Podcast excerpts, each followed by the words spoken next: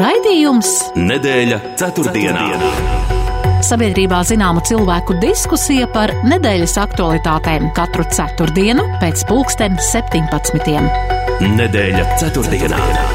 Projektu finansē Mēdīju atbalsta fonds no Latvijas valsts budžeta līdzekļiem. Sveicināti, kurzemes radio klausītāji! Esam jaunā 2023. gada pašā sākumā, kad daudzi sāk realizēt savas jaunā gada apņemšanās. Kāds varbūt saprot, ka solīto izpildīt tomēr nesanāks, bet tik viens noteikti kaut ko vēlamies šajā gadā sasniegt, atrast, ieraudzīt, apjaust un tā tālāk, un jānovēl, lai iecerētais labi izdodās. Laiks no ceturtdienas līdz ceturtdienai šoreiz ietver gada beigas un jaunā gada sākšanos, tādēļ pie notikumiem jāmin jaunā gada sagaidīšana ar vai bez uguņošanas, bet ar valsts pirmo personu uzrunām, ko daudzi gaidām un pēc tam vērtējam, vai tā bija iedrošinoša, iedrošinoša vai mulsinoša, neitrāla vai kā citādi. Un klausoties Ukrainas prezidenta uzrunas, kas ir gandrīz katru vakaru dzirdamas, citu valsts pirmo personu uzrunu gatavošanai ir uzlikta ļoti augsta latiņa. Bet no tāds ir viņu uzdevums būt priekšgalā un ietekmēt sabiedrības noskaņojumu. Kāds ir uzņēmēju darba devēju noskaņojums. Arī 1.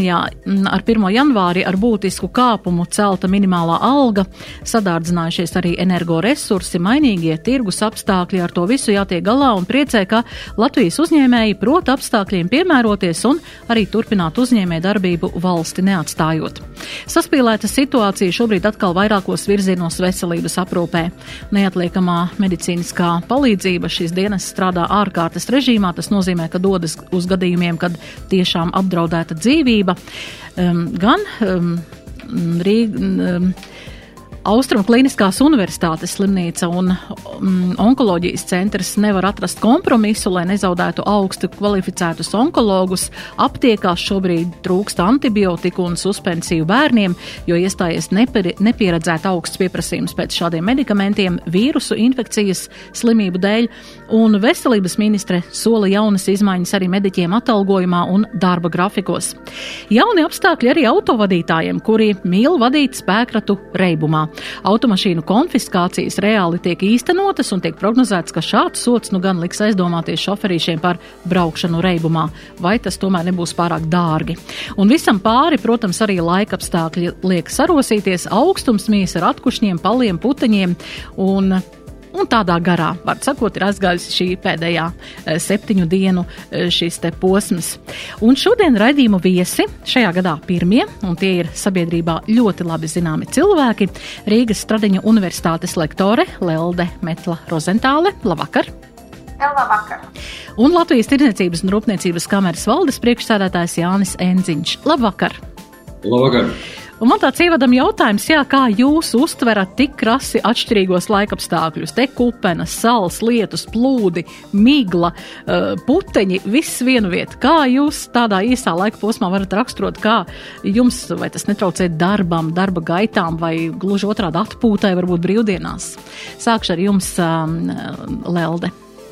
Jā, nu es laikam, jāsaka, vienkārši pieņemu, ka to, ko es nevaru ietekmēt, ar to man ir jāsadzīvo. Un īpaši par to nebažījos, nu tikai paskatos pa logu. Un, protams, jāsaka, šī laikā, laikam ar prieku, šorīt, piemēram, konstatēju, ka atkal ir balts ārā, jo tomēr kaut kā gribās, laikam, tādā tumšajā ziemas periodā, lai kā tas sniegs varbūt drusku apgrūtina braukšanu vai iešanu un tā, bet tomēr viņš rada arī tādas pozitīvākas emocijas nekā tad, kad ir tāds riktīgs atpūsnis vai lietus. Un, un tāpēc, nu, kā saka, to, ko mēs nevaram ietekmēt, tas mums vienkārši ir jāpieņem, nav vērts par to pukoties. No otras puses, nu, priecājamies, um, arī mēģinam atrast tajā kaut ko jauku, un sniedziņš noteikti rada jaukas emocijas.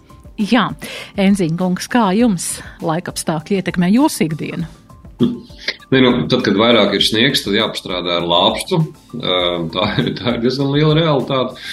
Un, eh, nu, jāizvēlās vienkārši atbilstošs eh, apģērbs, eh, apavi, un tad jau viss kārtībā. Jā.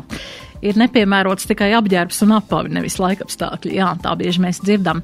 Jā, nu ko sāksim, sāksim tā chronoloģiski, un jā, esam sagaidījuši jauno gadu, ar ko jūs arī apsveic un vēl jums visu izdošanos. Uh, valsts pirmo personu uzrunas jau mēs esam daudz dzirdējuši, bet nu, man gribās arī no jums uh, dzirdēt, kā vērtējat gan ministru prezidenta, gan valsts prezidenta uzrunas svētkos, jo, nu, jā, jāsaka, ka man šķita, ka ministru prezidents izskatījās noguris arī šīs svētku uzrunas laikā, jo, nu, es salīdzināju, es noklausījos arī iepriekšējā uh, jaungada uzrunu, un man likās, ka tā bija daudz tāda enerģiskāka, cerīgāka.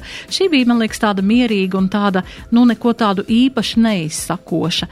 Kā jūs vērtējat, um, Lelde, varbūt jūs vispirms, jā?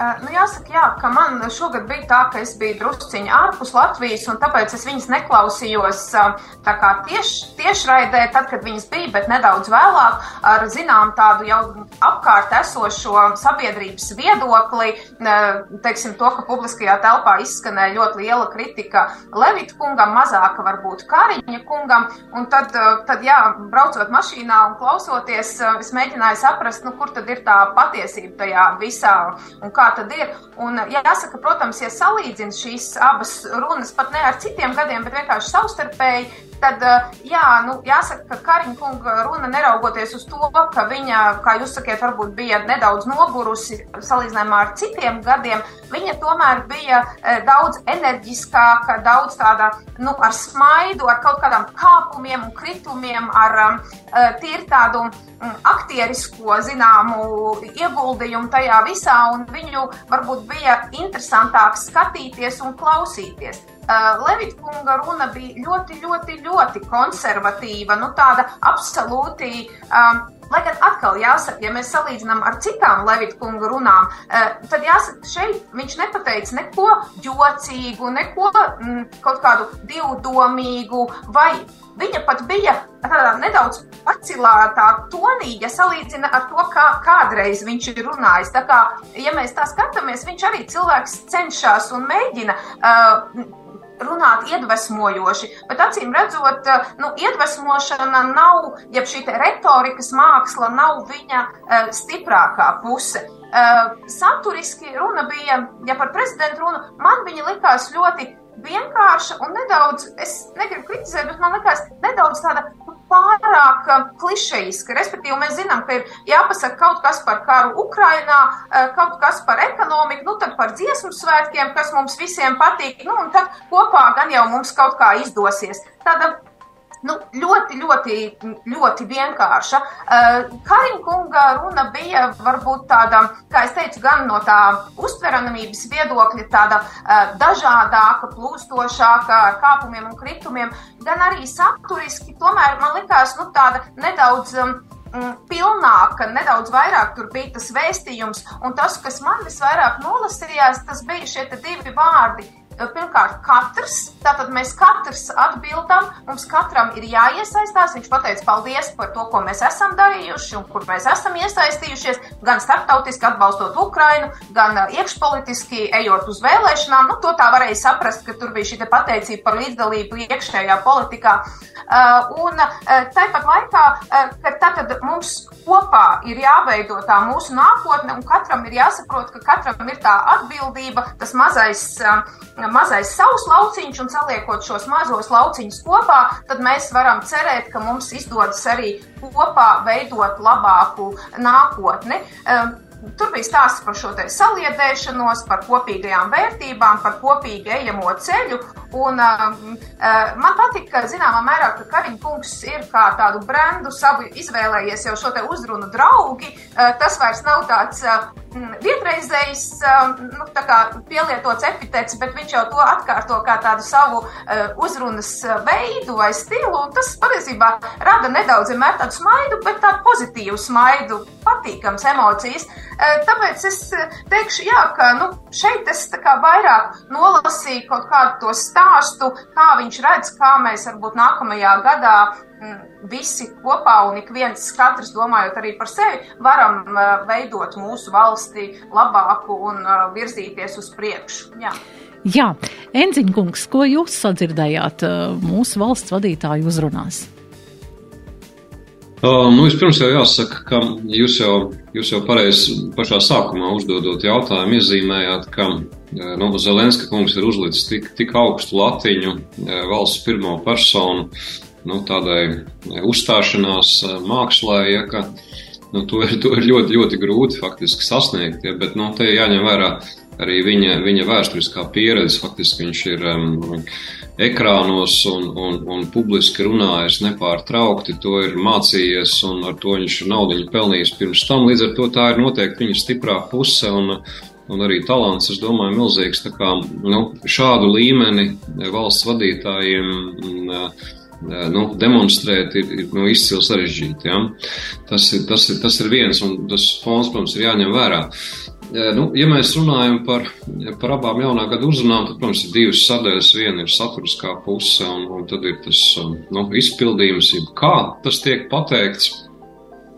Tad nu, saturiskajā pusē nu, tas, ko, tas, ko noteikti katram gribās dzirdēt, redzēt, ir, ir nu, kaut kāda sasaisti tieši ar mani, kā tas mani skar, ko tad pirmās personas saka tieši man.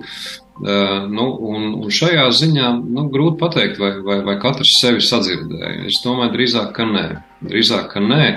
Nu, ja mēs raugāmies, piemēram, piemēram uz, uz uzņēmēju pusi, nu, kas ir mans, mans darba ikdienas lauciņš, tad um, nu, prezidenta kungs, ja nemaldos, minēja vienā vārdu savienojumā ekonomikas transformācija. Nu, vairāk tur bija grūti atrast to, to to nezinu, paldies, paldies vārdus uzņēmējiem, vai uzmundrinājumu uzņēmējiem, vai, vai aicinājumu sākt jaunus biznesus un, un, un, un tam līdzīgi. Nu, Karīna kungam bija mazliet vairāk um, par ekonomikas transformāciju, bet arī nekas īpaši daudz.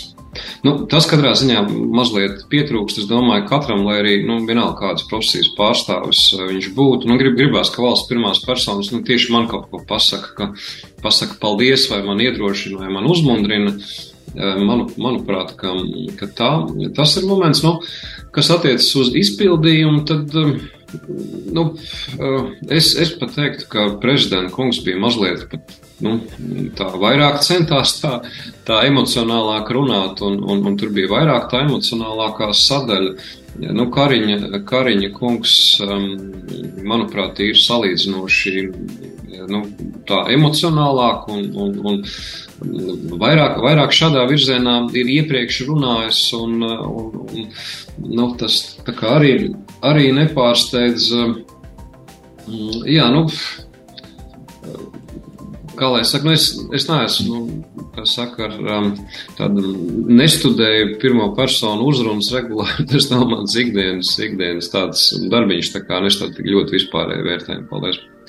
Jā, nu es. Jā, noteikti. Es mm -hmm. pavisam īsti piebilstu, un es arī to kaut kur izlasīju publiskajā telpā, un pēc tam panalizēju, teiksim, no savas perspektīvas, un sapratu, ka tā tas ir, e, ka Levita kungs nāk no vācu skolas, nu, respektīvi, viņš ir ilgstoši dzīvojis Vācijā, un Vācijā vispār politiķiem ir raksturīgas ļoti asketiskas ārējās izpausmes viņu uzrunās. Ja mēs arī, nu, ilglaicīgi atceramies Angelu Merkeli, tad varbūt tikai pašās, nu, savas karjeras beigās viņa atļāvās palikt tāda nedaudz emocionālāka vai tā kaut kā vizuāli izpausties ar kādu košāku žaketi vai kādu brošu. Viņa vienmēr ir bijusi, un tieši tāpat arī Vācijas prezidenti ir ļoti, ļoti atturīgi savā tādā ārējā tēlā un izpausmē, un tās runas vienmēr ir tādas ļoti nu, tādas, teiksim, mūsu izpratnē varbūt sausas, ja tā drīkst teikt. Savukārt, Karina kungs, protams, nākot no Amerikas, kur ir šī ļoti izteiktā um, runas kultūra un kur debatas un publiskā uzstāšanās, vienalga vai tu esi uzņēmējs, uh, iestādes vadītājs vai tu esi politiķis,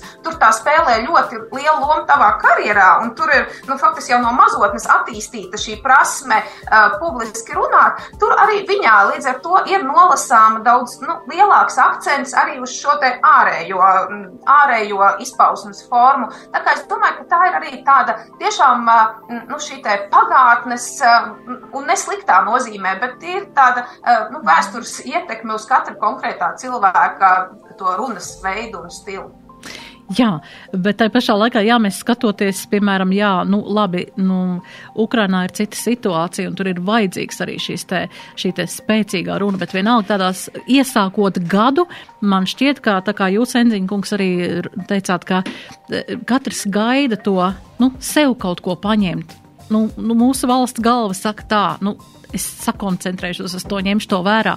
Kaut kā man pat liekas, ka pagājušajā gadā noklausoties to aizvadītā gada ministru prezidentu uzrunu, kad um, bija vairāk šie paldies, šī te tieši bija tādas atsevišķas cilvēku sabiedrības daļas, kas tika īpaši uzmundrinātas ar to, ka viņas tiek pieminētas, man liekas, tas bija tā arī, man, man šķiet, tas bija labi. Bet jā, šis, šī te uzruna draugi, man liekas, jā, tas ir tāds mūsu uh, ministra prezidenta, jā, tāds, tāds zīmols uzrunājot sabiedrību sabiedrību.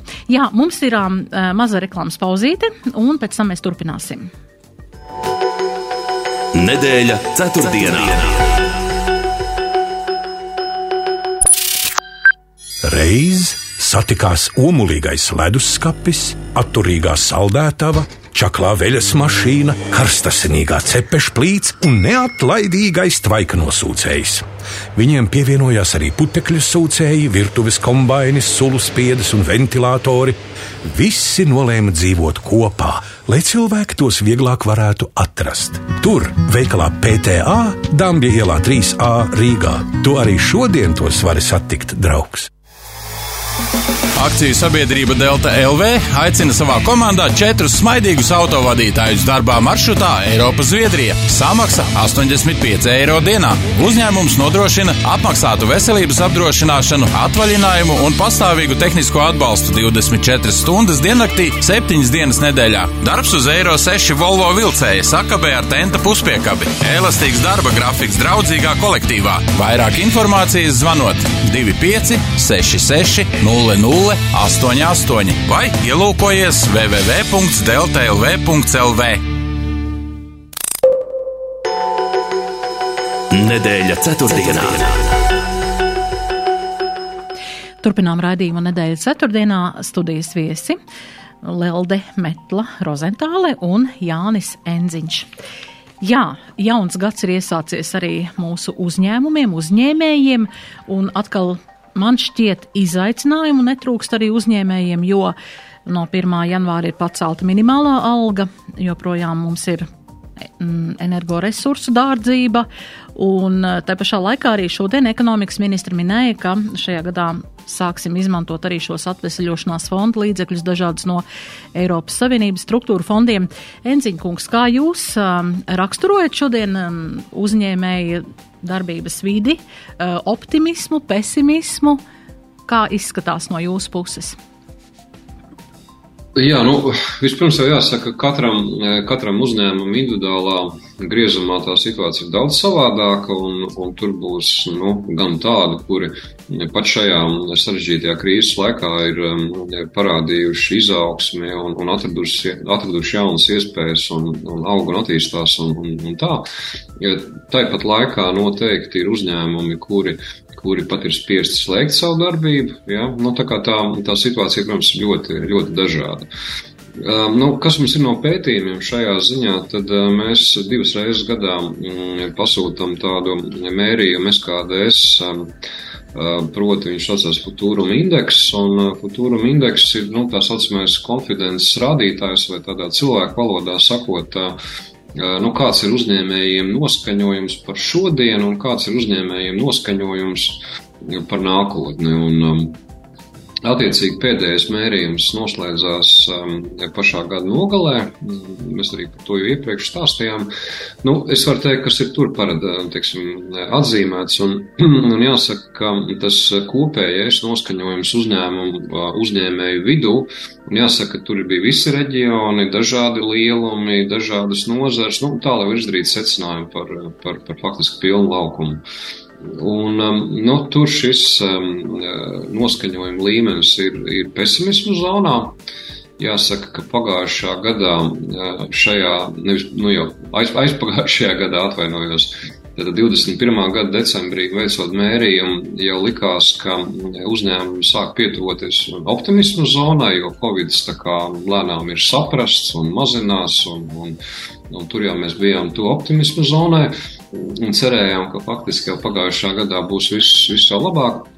Nu, diemžēl jā, šis Krievijas iebrukums Ukrainā ar, ar visu no tā izrietošo uh, gāzes cena augšā, tā ir seko elektroenerģijas milzīgs kāpums, tā ir seko hiperinflācija, tā ir seko centrālo banku nu, procentu likmi kāpināšana jau, jau gada otrā pusē, kas, kas ir daudz nu, sarežģītāku gan esošo kredītu nu, maksāšanu, gan, gan jaunu kredītu sadabūšanu, pa to vidu vēl dažādi izējuma materiālu cenu kāpumi. Nu, tas, tas, tas kokteils, kas, kas um, uzņēmējiem faktiski pagājušā gadā parādījās, nu, bija, bija ļoti, ļoti sarežģīts. Un, nu, līdz ar to jā, tas kopējais noskaņojums, protams, ir pesimismu zonā, vismaz tuvākā pusgada laikā. Un es domāju, ka tāda tā situācija arī parādīsies IKP jau reālos rādītājos, nu vismaz parasti tā ir bijis. Um, tajā pat laikā, nu, ja mēs salīdzinām retrospektīvi, jo tas mērījums tiek veikts jau no 2004. gada, nu, tad viņš ir nu, uz pusi netik pesimistisks, kā, kā tas bija 8. un 9. gada krīzē. Un jāsaka, arī ievērojami labāks nekā tas noskaņojums bija tikko Covid sākās. Un tad arī visiem bija pilnīgi panika, nezinu, kā tas būs, pie kam globāla problēma. Nu, tā kā, jā, nu, tā situācija, protams, ir ļoti sarežģīta, bet nu, tajā pat laikā risinājuma. Jā, Lelde, kā jūs vērtējat uh, visus šos apstākļus tā no ārpuses skatoties, um, cik viegli būs uh, pārvarēt uh, visu to, kas tagad būs uh, uzņēmējiem jānodrošina? Plus vēl jāsagatavojas tam, lai būtu atbilstoši arī, lai varētu saņemt kaut kādus fondu līdzekļus, jo tur būs ļoti liels uh, birokrātiskais uh, viss šī puse. Nē, nu skaidrs, ka jā, es, es neesmu pati šajā nozarē iekšā, bet es saprotu, ka tas ir grūti. Bet atkal es varu teikt, ka arī esot tagad kādu brītiņu Francijā, runāju ar mazajiem mm, franču uzņēmējiem arī tur uz vietas, un viņi tieši tāpat saka, ka nu, viegli nav. Viņi savelk jostas un, kā viņi saka, viena daļa francūžu ēd kartupeļus un makaronus, vai ne? Bet eh, tāpat laikā, nu, vienkārši mēģinot maksimāli optimizēt, ko vien var optimizēt, tur piemēram, mazā viesnīciņā tur tētis strādā virtuvē un mamma vada administrāciju un meita apkopja numuriņus un, respektīvi, nu, mēģinot maksimāli atteikties no visa, no kā var atteikties, šo laiku kaut kā ir jāizdzīvo, jo tāpat laikā mēs saprotam, ka īpaši, nu, tā kā kaut ko vainot eh, vai, nu, atrast tādu vienu atbildīgo, kas tagad varētu mūsu tās problēmas atrisināt, viņi saka, mēs nevaram. Nu, tieši tāpat jau arī Latvijā. Un jāsaka, no otras puses, es gribu teikt, ka uzņēmēji šajā Ziemassvētku periodā, nu, vismaz es esmu dzirdējis par tādu praksi, eh, kā arī tomēr ir ļoti eh, lojāli pret saviem darbiniekiem un iespēju robežās cenšas izmaksāt dažādus gan pabalstus par elektroenerģiju, gan, teiksim, Ziemassvētku paciņas nevis tur konfekšu vai mandarīnu formātā, bet, piemēram, pārtikas, eh, nu, dāvanu karš formātā pārtikas veikalā, lai cilvēki var iegādāties kaut ko papildus Ziemassvētku vai jaunā gada galdam. Tā kā es domāju, ka ļoti lieliski ir tas, ka mēs tomēr spējam nu, būt solidāri un varbūt atteikties no kaut kādas savas peļņas daļas nelielas, bet atbalstīt to savu darbinieku, jo tā, protams, ir arī nu, kolosāla motivācijas programma, kas liek darbiniekam kļūt vēl lojālākam un vēl tādam nu, atbalstošākam pret savu darba devēju. Tā kā jāsaka, ka tiešām gods, kam gods mūsu Uh, uzņēmējiem. Protams, es nevaru runāt par visiem, bet es, es uh, apkārt to esmu dzirdējusi. Man liekas, tas ir brīnišķīgi arī šādā situācijā spēt vēl nu, solidāri palīdzēt tiem, kuriem varbūt tā situācija ir sarežģītāka. Jā, un piedāvājam tas, ka mēs arī esam nemitīgi, arī mūsu uzņēmēji ir palīdzējuši Ukrainai šajā, šajā laikā. Tā kā es domāju, tik ļoti daudz ir dots, neskatoties uz to, kādu laiku, kādus, kādus laikus mums nāksies piedzīvot. Bet jā, šī te 8. 9. gada krīze un, un šis posms pirms, nu, pirms uzzinājuma. Mm, ko mums darīs šis te viss Covid pandēmija, tad šķiet, ka jūs, Enziņa kungs, tā kā redzat, ka šis pesimisma zona tā kā ir, bet tas pesimisms varbūt nav tik izteikts, kā bija tajā, tajos, tajos divos gadījumos. Um, jā, pētījums tieši to parāda, starp citu, salīdzinoši ar, um, ar, ar Eiropu kopumā. Un mēs, kā Tirzniecības rūpniecības kamera, esam nu, tādā starptautiskā kameru tīklā gan vispasaules, gan, gan, gan Eiropas. Un tur pagājušā gada nogalē veiktā Jura Čambres, kas ir visu Eiropas kameru asociācija, viņu mērījums faktiski uzrāda, ka tas kopējais noskaņojums Eiropā īstenībā ir pats sliktāks nekā viņš bija 8. un 9. gada krīzē. Bet nu, te jāņem vērā, ka, kāda bija situācija tieši Latvijā, jo, jo tik, dziļš, nu, tik dziļa recesija un, un kāda viņa bija 8. un 9. gadā, nu, Eiropā tāda nebija. Visiem bija slikti, visā pasaulē bija, bija, bija problēma, ja kā zināms, bet nu, tāds, tāds kritiens, kādu parādīja Latvija, nu tāds nevienam nebija. Tā kā tas ir jāņem vērā. Bet, nu, tā sliktā ziņa, protams, ir tāda, ka Latvija, protams, visu laiku ir bijusi ļoti atkarīga no, no tā, kā iet Eiropā.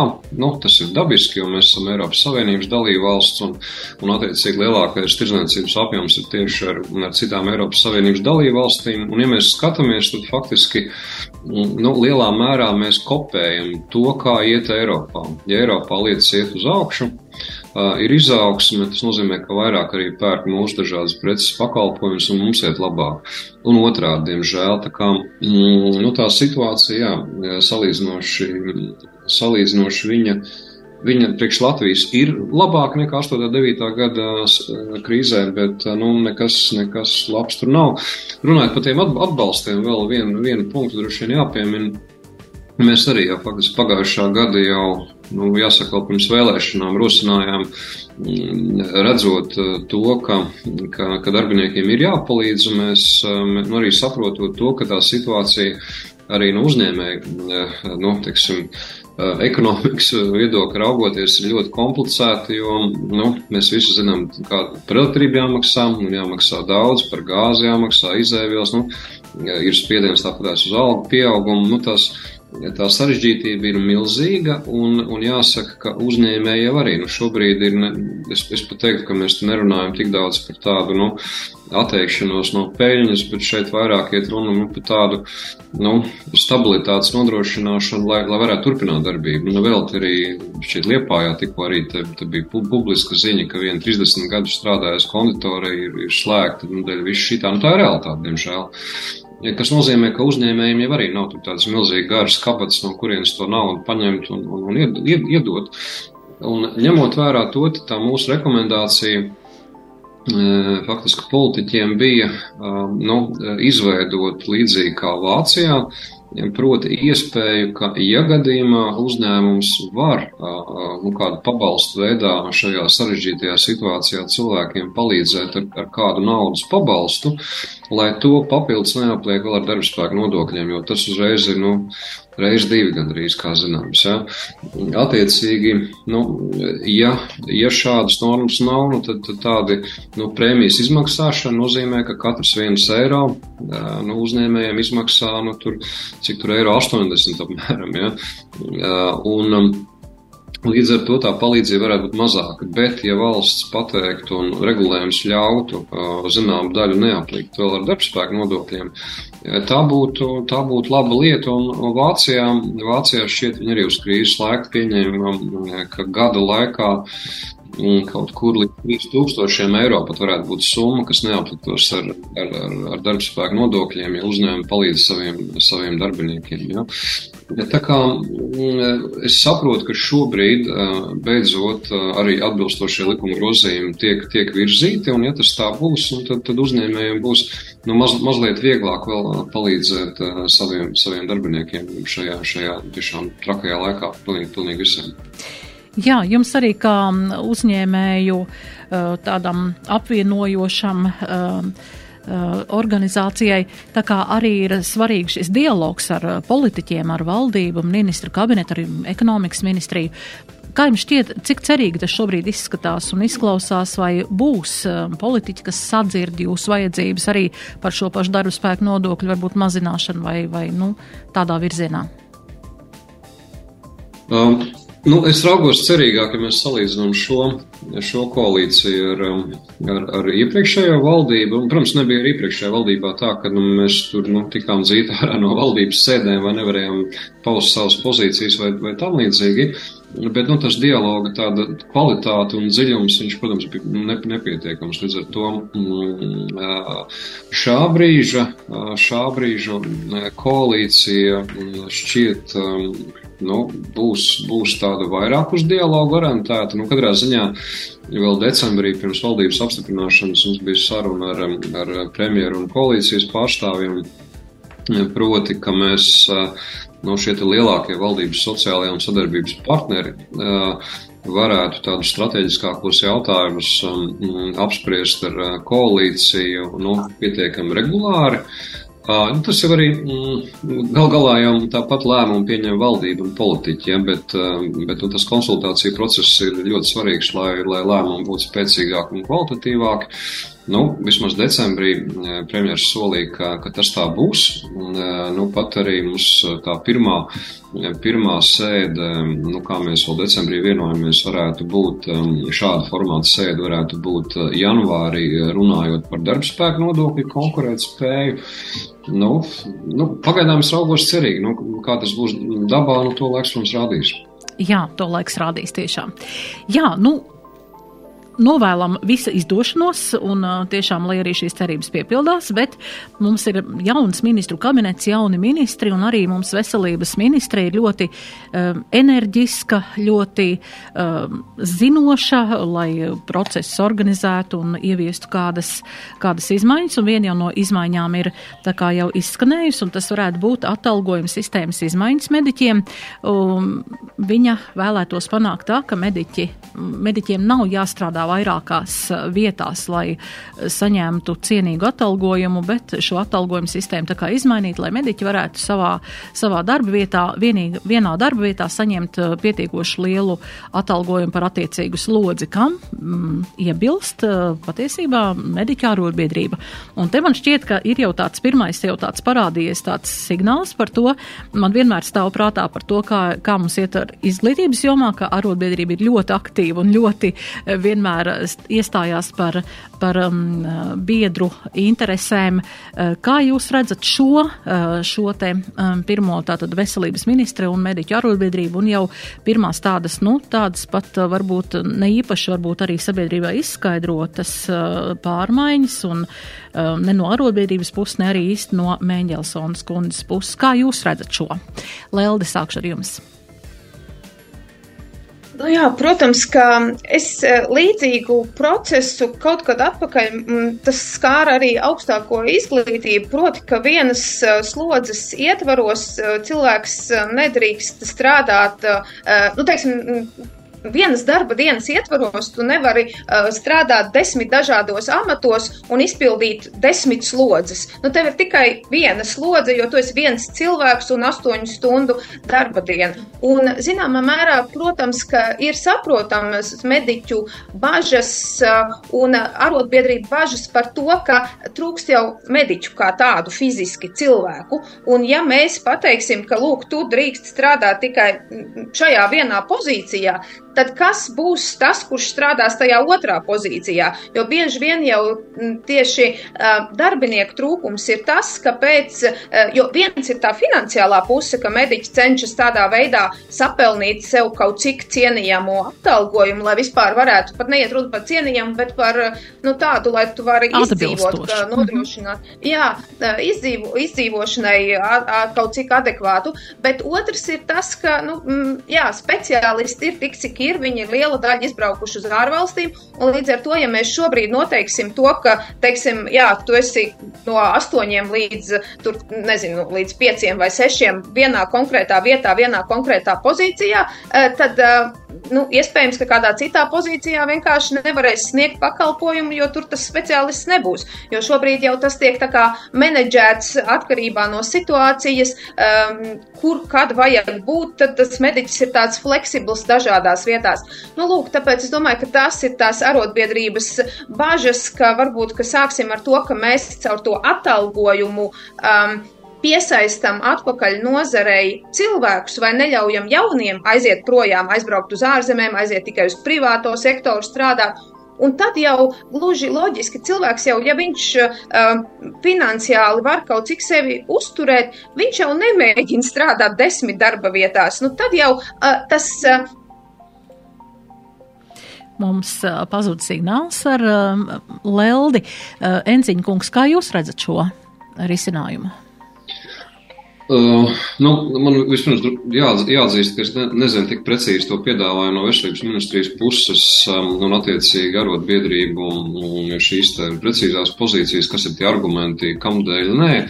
Es apmēram nojaušu, bet um, ir tāds ļoti vispārīgs komentārs. Nu, vispirms man jāsaka, ka nu, Līga Mendelsona nav, nos, nav nos, noslēpums.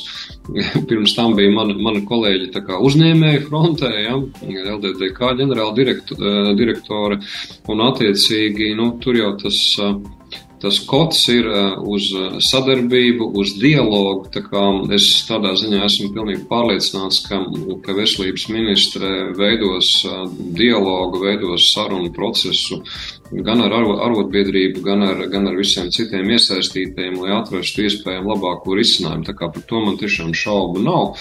Nu, tas ir vairāk tādas pirmās, es domāju, publiski izskanējušās retorikas. Un tas ir viens. Otrs, es domāju, ka veselības sistēmā kā tādā, nu, arī nav noslēpums. Ir ļoti daudz dažādas problēmas, kuras, kuras ir risināmas. Un, un, nu, tur jā, tiešām spēku, spēku jaunajai ministrei ar to visu tikt, tikt galā. Nu, tur ir, tur ir ļoti daudz iel, iel, ielēstas um, problēmas un, un, un nepareizības, ja tā var teikt, un, un, es, un ne tikai trūkstošais finansējums ir, ir, ir atslēgas jautājums. Ja. Tur, es domāju, ir ļoti daudz nesakārtotas lietas, ko mēs arī, ko mēs arī savā ikdienā redzam, kas ir uh, nu, par veselības sistēmas, nu, šo te iedalījumi, ja tā var teikt, nu, kur ir publiskās, publiskās pārvaldes kapitāla sabiedrība, tātad šie te veselības, veselības pakalpojumi un privātā sektora. Ja. Daļa personāla, starp citu, ir gan vienā, gan otrā pusē. Ja. Nu, tur, ir, tur ir diezgan liels diezgan liels juceklis, es domāju, ar daudzām lietām. Es um, neesmu arī eksperts konkrēti nozarē, bet, bet tas, ko es no, no saviem kolēģiem un, un tirdzniecības rūpniecības kamerām, ir veselības komiteja, kas, kas tur virkni tās tēmas šķetina, nu, tur darāmā ir daudz. Jā, vēlam izdošanos Mendelsons kundzei to visu, gan solīt to panākt, gan arī kompromisu ar arotbiedrību, gan arī um, jā, uzlabot arī situāciju veselības aprūpas nozarē. Nu, ko ir vēl kāds uh, jauninājums, ko esam pieredzējuši jau no uh, novembra, man šķiet, novembra beigām, tātad šie jaunie CSDD, jaunie uh, sodi, uh, kas ir absolūti kategoriski un tādi ļoti radikāli, tas nozīmē, jā esam pie stūres reibumā, vien pusotras promilas reibumā, varam atvadīties no savas automašīnas vai no um, summas, kas ir šīs automašīnas vērtībā. Eh, pie tam šodien sociālos tīklos man šķiet bija mm, arī runāts par šo, ka eh, jo ar lētāku mašīnu šāds cilvēks brauc, jo viņš labāk tiek cauri. Nu, tas ir tādam humoram un tādai diskusijai. Eh, bet jā, kā jūs redzat šos te radikālos sodus beidzot dzērāju šoferiem? Lelde, jūs mums pazudāt pirmī, tu, jūs esat apakaļ ēterā. Jā, es te pazudu, jo vienkārši pēkšņi pazuda elektrība mājās, bet uh, elektrība atgriezās, tas bija kaut kas sniegs, laikam, mūs ietekmējušajā mirklī. Uh, nē, nē, nu man liekas, ka uh, ja jau. Uh, Ja jau mēs neesam pietiekami atbildīgi, lai saprastu, ka patiesībā nu, vienkārši braukšana pie stūres ar alkoholu lietošanu nav savienojama. Un uh, galvenais jau, kas parasti man uztrauc, ir, es pati nebraucu pie stūres, nekad uh, lietojot alkoholu, bet kā es varu paļauties, ka man vai manai mašīnai, vai mana vīra mašīnai, vai kāda līdzcilvēka mašīnai neuzskrien virsū kāds, kurš ir lietojis alkoholu. Un faktiski es varu ciest un nedod Dievs vēl ļaunāk tikai tāpēc, ka kāds ir, nu, galēji bezatbildīgs. Un ja jau mēs nesaprotam citādāk, nu, tad acīm redzot šāda metoda ļoti mm, palīdz saprast situāciju. Piemēram, ja es nekļūdos, tad Dānija pavisam nesen izvēlējās šādā veidā regulēt arī ātrumu pārsniegšanu būtisku. Tātad nevis uh, tikai par dzeršanu konfiscēt mašīnu, bet par būtisku ātrumu pārkāpumu arī konfiscēt mašīnu. Un jāsaka, ka tas strādā ļoti labi, un viņi saka, ka tik, nu, tik kolosāls rezultāts nav nesis neviens cits soda vai ierobežojuma mērs. Nu, tātad cilvēki, acīm redzot, tikai tādā veidā saprot ko vajag un ko nevajag darīt. Nu, tad atliek tā secināt. Bet tā kā es, es atbalstu, es domāju, ka vienkārši nav diskusija par to, ka dzērs nedrīkst braukt un viss. Jā, Enziņa kungs, kā jūs vērtējat, pie tam eh, nemaz nav maz šo atņemto mašīnu jau šobrīd. Nu, eh, skaidrs, ka eh, alkohola reibumā sēdēt pie stūres, tas ir, um, tas ir absolūti nepieņemams solis. Un, un, ja mēs runājam par sodiem, tad um, es kā jurists pēc izglītības arī tiešām ticu ar pārliecību pieejai, ka mm, sodam ir jābūt vispirms jau atturošam. Ja, tas nozīmē, ka sodam ir jābūt tādam, lai, lai šo konkrēto nelikumīgo darbību negribētos nu, ne pie kādiem apstākļiem veikt. Tas ir numur viens. Līdz ar to, ja, tas sots ir pārāk viegls, tad, tad nu, nu, nekas traks jau nebūs. Jā. Sodam ir jābūt atbilstošam tam, tam pārkāpumu smagumam. Un otrs, um, sodam ir arī jābūt noteikti samērīgam. Jā, attiecīgi, nu, vienam, vienam varbūt arī tā lētā mašīna nu, būs pietiekami samērīgs un, nu, ja var atļauties ar dārgāku mašīnu braukt, ja, tad, tad, tad tas arī būs atbilstošāk. Tā kā es domāju, ka tas ir absolūti pareizs pareiz virziens, ka par šādu veidu vispār par, par pārkāpumiem, teiksim, ir jābūt atbilstošam sodam, lai, lai, lai, lai būtu kaut kāda kārtība. Tas ir viens. Par ātrumu, te, ko kolēģi Rozentāls kundze minēja, es, es nezinu, vai es gribētu piekrist. Tur vienkārši ir ļoti komplekss tas jautājums, jo, jo manuprāt, ir, ir ceļa posma no vietas, kur, kur vienkārši ir neadekvāti mazie ātrumi, nu, šie limiti salikti, ja, kur, kur, kur nu, kas ir viena no problēmām.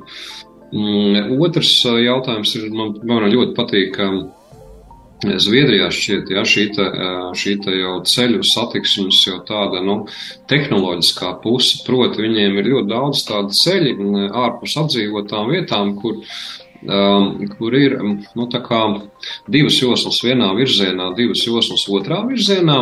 Pa vidu uh, abām, abām šīm uh, joslām ir atdalošās barjeras, kas nozīmē, ka pretējā joslā fiziski iebraukt nevar.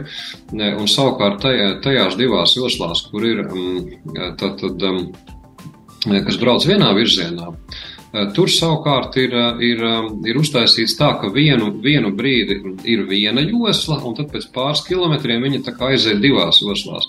Un, un tas ik brīžam mainās abos, kā, abos satiksmes virzienos. Ko tas nozīmē? Tas nozīmē, ka, ja tu gribi apdzīt mašīnu, tad tajā brīdī, kad nu, tev ir tikai viena josla, tu fiziski to nevar izdarīt, iebraucot otrā joslā, tu vienkārši jāgaida, kamēr būs tā vieta, kad tev parādās divas joslas. Un tad tu savukārt pabrauc garām, jo, jo tās visbēdīgākās un traģiskākās avārijas notiek tieši frontālā sadursmes gadījumā, kad dzenās tur kaut kur garām un, un ieskrien pretējā joslā, un, un tad ir, nu, nu, tur tiešām jābrīno tie cilvēki, kas izdzīvo pēc šāda veida sadursmēm. Ja? Tā kā, ja mēs, ja mēs gribam nu, par šo drošāku ceļu satiksmi, tur ļoti komplekss jautājums. Es domāju, gan tā infrastruktūra, gan, protams, atbilstoši sodi un, un, un visu kā cita. Jā, ir ļoti interesanti ir paskatīties, kā cilvēki nu, adaptējas sodiem, piemēram, braucot cauri Eiropai. Viņi zina, Polijā drīkst tur pārkāpt tik un tik drusciņu, un nekas par to nebūs. Tur Vācijā ir tā un tā, un atkal, un tad tu iebrauc Šveicē, kur zina, ka būs briesmīgs sots un kontrolē nepārtraukti ar kamerām. Un pēkšņi visiem ir pilnīgs miers un visi ievēro visus noteikumus. Tā kā jā, tas ir mūsu kaut kāds arī tas, zināmā mērā, domāšanas veids, kā mēs adaptējamies dažādām situācijām un dažādiem, dažādiem rāmjiem, kas mums ir uzlikti. Jā. Jā, mašīnas mums ir jaudīgas, ceļi kļūst aizvien labāki, un izaicinājums, protams, ir uh, braukt ātri, bet jā, tam pašam uh, pretī ir jābūt arī šiem instrumentiem, jā, lai tas nepaliek bīstami. Jā, nu ko atgādināšu tikai to, ka arī CSDD pārbauda uz ceļiem arī šobrīd vienkārši arī pašu drošībai šo riepu stāvokli un varbūt arī gaismas un varbūt vēl kaut ko citu.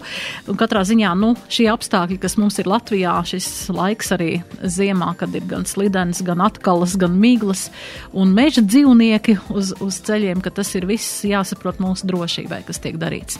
Paldies jums par šo lielisko sarunu šajā vakarā.